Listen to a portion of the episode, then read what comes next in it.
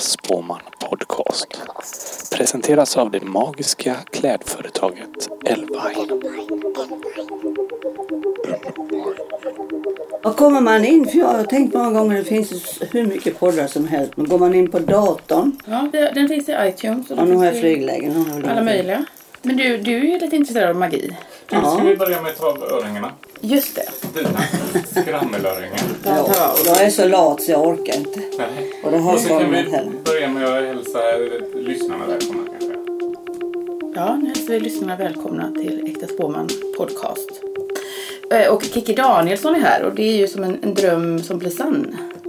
Tycker jag, för jag har önskat att du skulle komma hit hela tiden. Ah, Ja, det kul att det passat nu då. Ja, Perfekt. för du har varit i Göteborg och varit på Liseberg igår. Ja. Och uppträtt. Livet var allt annat än ett äventyr för konstnären Linda Spåman. Nu måste ju inte alltid livet vara ett äventyr, men det måste vara något mer. Så följ med på en magisk resa in i det undermedvetna. I Äkta Spåman Podcast låter konstnären Linda Spåman tarotkorten leda vägen och berättar om framtiden i magiska möten med modiga människor. Jag var tillsammans med en av killarna i Visex och jag, jag behöll, vi köpte ett hus. Och jag behöll det och eh, vi hade en chow chow hund och vi turnerade ju väldigt mycket. Och, eh, ja, så jag la mig ju aldrig före ett eller två. Så jag hade precis släckt lampan. Och så hade jag en o, jättestor, som det hade varit en gammal skola som vi byggde om. För det var två ingångar, det ville inte vi ha. Och, men eh, då var det en oinredd vind plus ett gästrum. Och så bara hörde jag eh, sånt här, som, som att någon hoppar så. Precis ovanför mitt eh, sovrumshuvud. Fem minuter efter jag hade släckt. Så låg jag och väntade och så kom det ett hopp till. Och sen hörde jag musik. Och jag, jag kunde inte lokalisera ljudet. Det var ju lång sån här Skånelänga kan man säga. Vad var det för slags musik? Ja, fiol eller det var ingen som sjöng. Nej.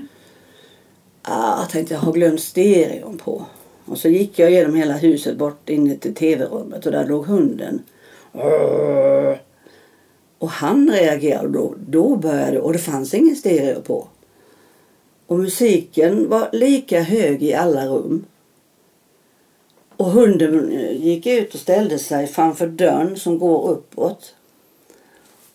Och stod i sån här ställning som man säger fågelhundarna när de har hittat eh, ett, eh, en fågel. Jag tänkte nej, jag vågar inte släppa upp han där. Ja, men till slut så gjorde jag det. Men då var det ju en dörr in till den oinredda vinden. Och där ställde han sig. En chow chow var det. Jag släpper inte in honom där. För jag hörde också när jag var nere att det gnisslade i en dörr. Jag hade, det var ju jättegammalt där uppe. Och jag fick tag i hunden, jag vet inte hur mycket han... Det är ju väldigt mycket päls på en chow chow. Men han var tung och jag bar ner han och låste dörren.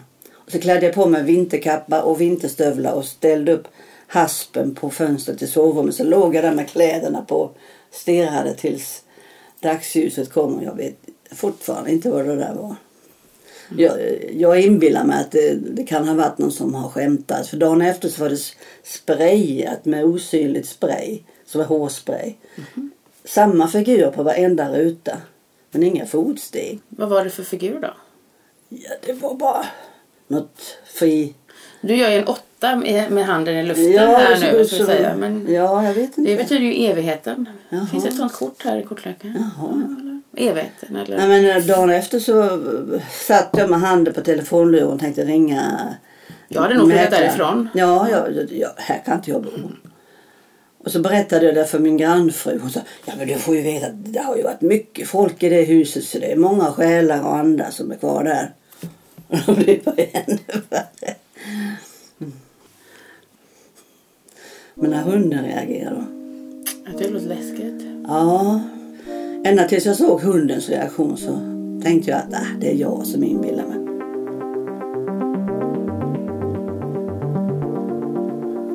Men du, tror du på magi?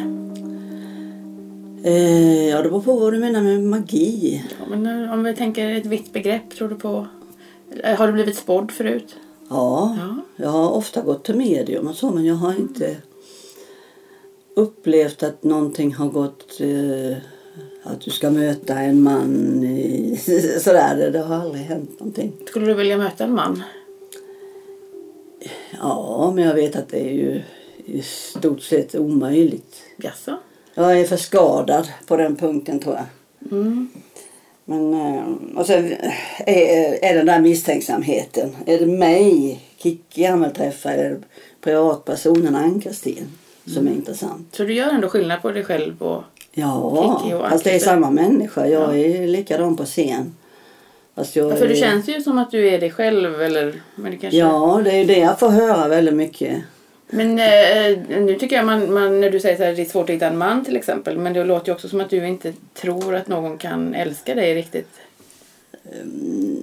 Eller som att då kanske du har stängt den dörren ändå eller? Ja, jag har stängt det men eh, det skulle ju vara trevligt att ha någon särbo sådär som man kan Mm. göra något trevligt med. Eller så resa. Men korten kanske kommer säga att du träffar Ja. någon. Då måste det vara så. Ska vi börja titta lite i korten? Ja, det tycker jag. Vi tittar. Vi drar ut kortleken och så får du dra ett kort som är det förflutna, ett kort som är nuet och så ett kort som är framtiden. Ja. Och eh, det är väldigt okomplicerat. Mm. Och sen associerar vi fritt. Ja. Så du behöver inte bli rädd om det är ett dåligt kort. Då låtsas vi att det är något annat. Ja. Är du rädd för något? Eh, ja, det är man väl alltid. Jag har... Eh, barnen är väl det... Att någonting skulle hända dem. Eller att eh, jag skulle få cancer till exempel. Och, så jag har eh, börjat att förbereda lite. Det ska man göra. Men jag har varit inne på det vita arkivet men jag har inte kommit längre. Men, eh, ja, men man hjälper ju barnen på så sätt. Ja, eller man fyller i vad man önskar. Ja, hur man vill ha det. Vilken låt ska du spela på din begravning? Jag har inte kommit Nej, fram okej. riktigt till det. Jag vill inte att de ska sitta och lyssna på min röst. Det blir liksom för mycket. Ja, man kanske inte har sig själv eller... Nej, jag, jag har skrivit en, en begravningslåt eller en, eh, låt till en änka. Vi kände han, han som dog. De hade hand om våran hund. Mm. Jag och mitt ex som jag var gift med.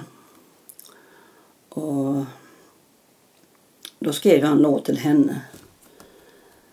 Men eh, ja, hon, hon fick den så hon vet om det också. Men eh, jag sjöng inte på den begravningen. Jag har blivit spådd av en indier faktiskt i Thailand. Att jag ska I bli... händerna? Nej. Han skrev, vi skrev lappar. Okej. Och han frågade mig, "Eh, får jag spå dig? Och det var sista dagen.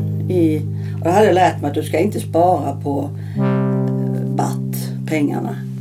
Men då hade jag beställt upp, sytt upp två blusar som jag skulle hämta och då visste jag att jag kunde betala med kort. Så jag hade ju nästan ingenting. Och vad kostade det? Så jag förberättade det att det var sista dagen. Och så gjorde han ett smakprov. Tror du, tror du att jag kan säga namnet på din mamma?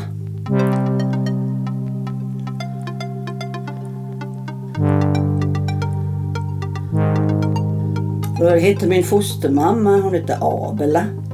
Väldigt ovanligt. Och min biologiska hette Elsa. Jag tänkte jag ska ta... Jag- skulle ju tagit Abla tänkte jag men eh, jag tog Elsa. Jag tänkte, han kanske inte var från Indien men han hade alla uh, attribut. Turbanen och kaftanen och liksom hela det där. Och så fick jag ett litet lapp, en sån här, man har sett indiskt papper, lite trådar i det. Litet block, så här mini, mini, mini. Som blyertspenna. Så satte han sig lite längre bort på en solstol. Och jag satt här då. Ja, lite längre än så var det. Där du sitter. Men... ehm, ja, men skriv upp hennes namn så, så ska jag se vad jag kan göra, sa han. Då skrev jag Elsa och så räknade han till tre och så visade vi upp det. Då hade han skrivit Elsa. Mm-hmm. Och tänkte, åh jag älskar sånt där. Och då tittade jag på honom. Men han var ju snäll så han eh, gjorde det nästan gratis. För jag, jag hade ju ingenting. Och så såg han på mig att jag, och det var bara vi där. Det var en sån här hemlig nybyggd pool poolområdet Så fint. Mitt bland soporna längst ner på Pucketön. Så tror du jag kan säga namnet på din man? Ja, jag är skild, sa jag. Men din exman då? Han heter Kjell. Det kan han ju inte. Jodå.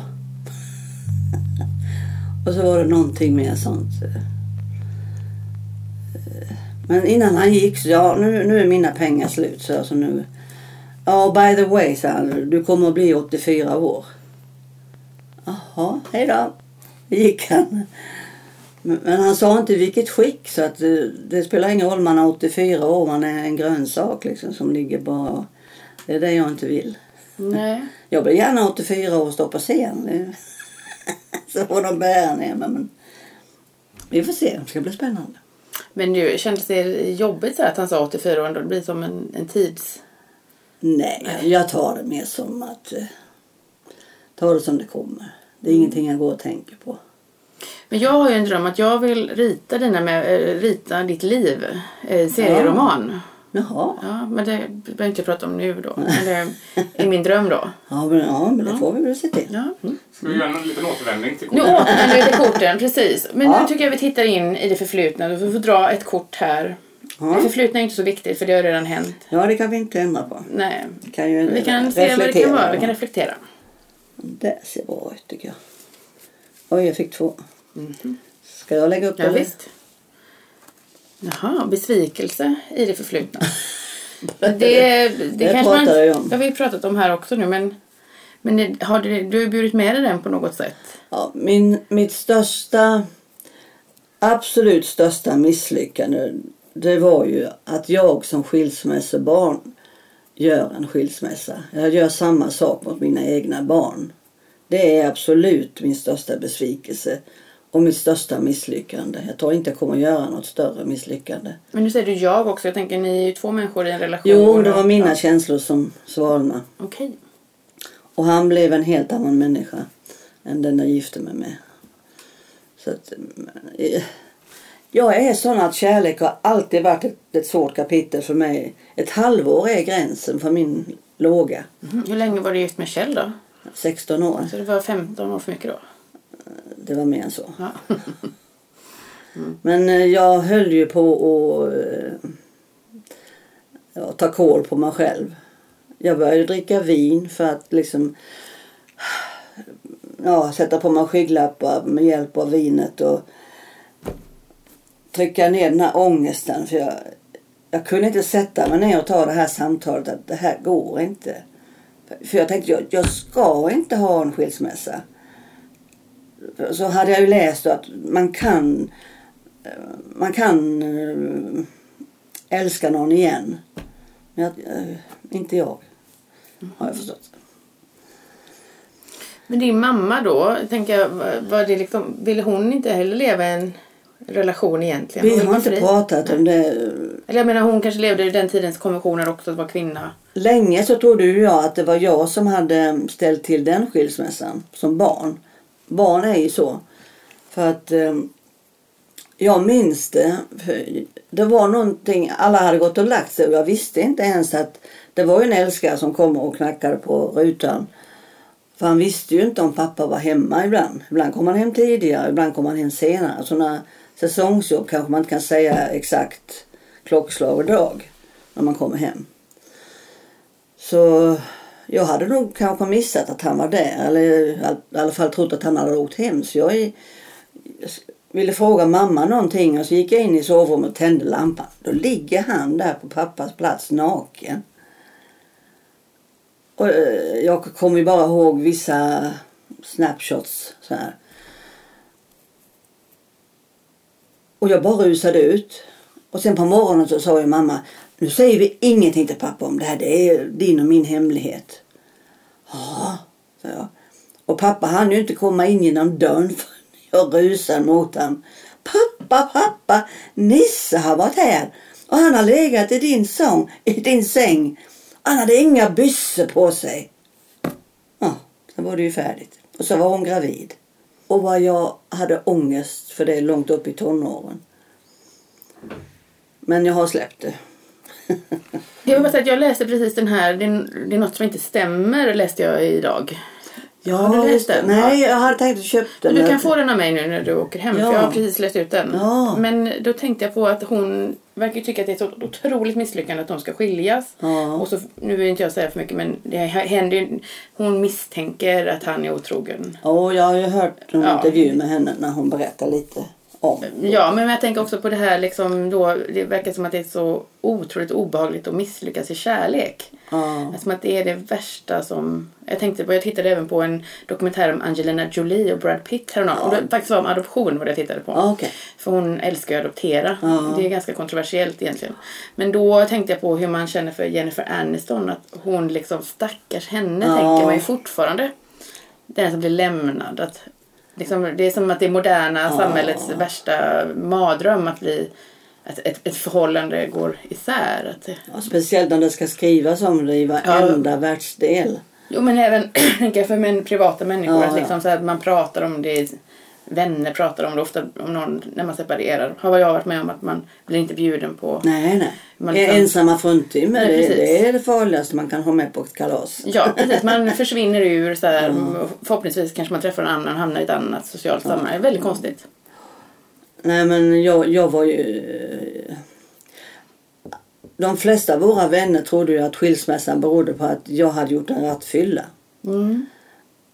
Men eh, det fanns, för mig fanns det ingen sanning i det. Utan eh, jag drack ju för att stå ut. För att jag ska klara det här. Jag ska inte se till så att mina barn blir skilsmässobarn. Det var en flykt och det var ett sätt att stå ut. Men det gick ju inte. Så rat, rattfyllan blev ju min räddning egentligen. För jag eh, tänkte att värre än så här kan det inte bli. Så nu, nu är det ju rätt tillfälle. Då blir, där blir ju du avslöjad också. Och påkommen då i rattfyllan. Precis Ja. som min mamma blev påkommen i sängen. Ja, precis. Det behövdes ett avslöjande för att den skulle kunna komma vidare. Ja, det blir det. Men jag måste, när du, kände, när du blev fri då, om vi kan använda Mm. det ordet. Blev du fri på riktigt eller var det bara liksom Ja, Eller det, samvetet liksom För jag tänker ofta en kvinna om hon gör fel och samhället ser det så jo, kan man ju döma Men den jag- personen ganska hårt och sen så... jag kunde ju aldrig vara riktigt ärlig i tidningar. Nej. Men jag var ju liksom ingen fyllerist eller festmänniska utan det var me- medicinering. Och det är ju väldigt vanligt, speciellt bland kvinnor, att man tar den flyktvägen. Mm. För jag visste inte vad jag skulle göra. Psykolog. Ja, jag gick väl till en sån också men jag kände inte att... eh, Men det var på ett sätt, jag tänker, det är självskadebeteende som du ägnar dig åt egentligen. Ja, jag tänkte inte så. Jag Nej. tänkte mer att eh, bedöva. Ja, jo men det är väl det nu eller om du tittar på det. Eller jag tycker Ja, att jag, kvinnor... id- idag förstår jag varför jag drack. Men... Eh,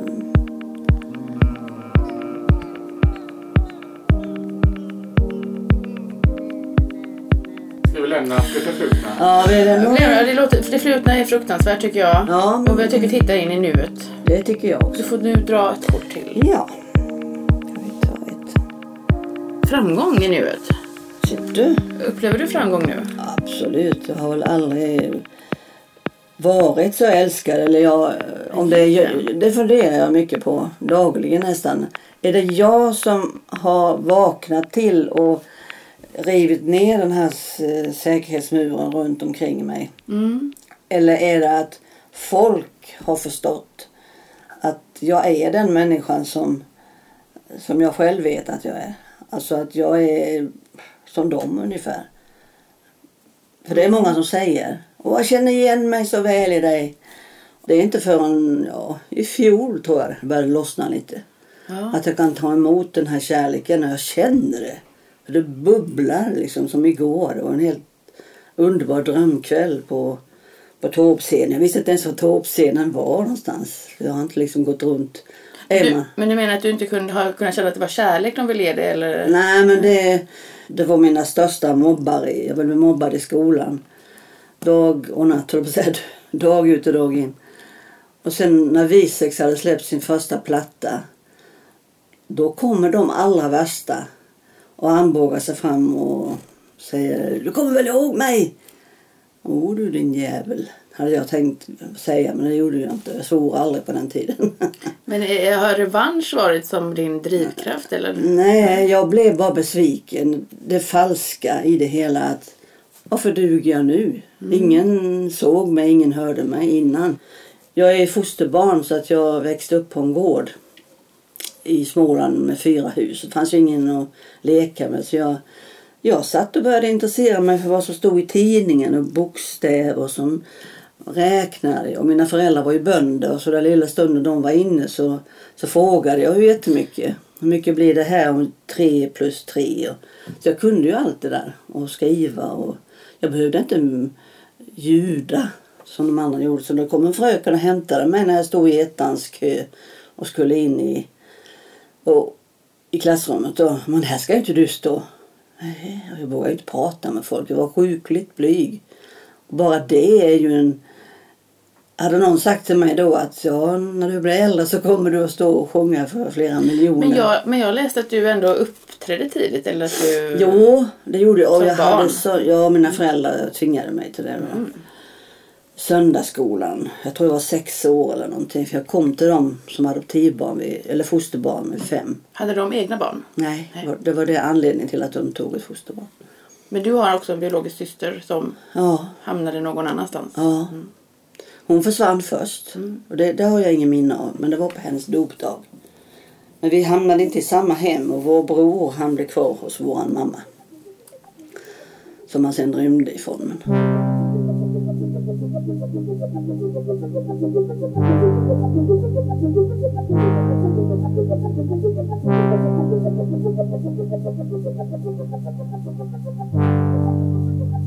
Just det att vara fosterbarn, då måste man vara alla till lags.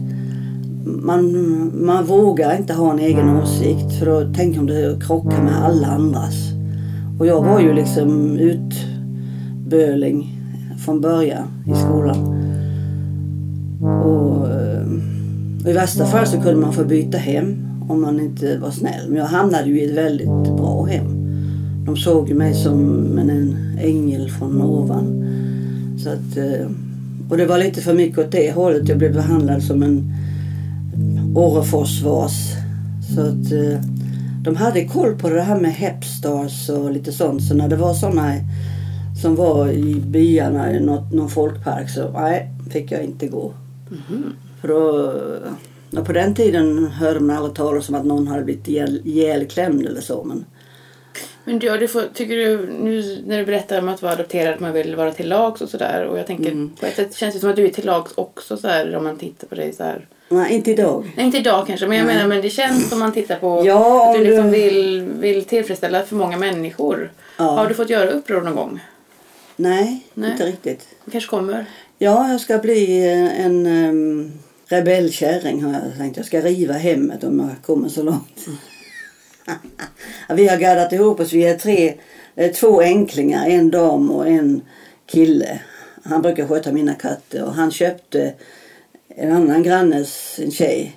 Hon är lika gammal som jag. Så vi tre, vi är järngänget där. Det ska bli Bollnäs skräck. Ska göra allt man inte förväntar sig av gamla människor. Så vi sitter och spånar vilt.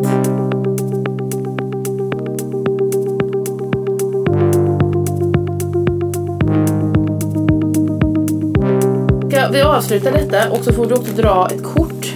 För nu har ju tiden gått ut. Men du får också dra ett kort i den här magiska kortleken som jag har ritat själv.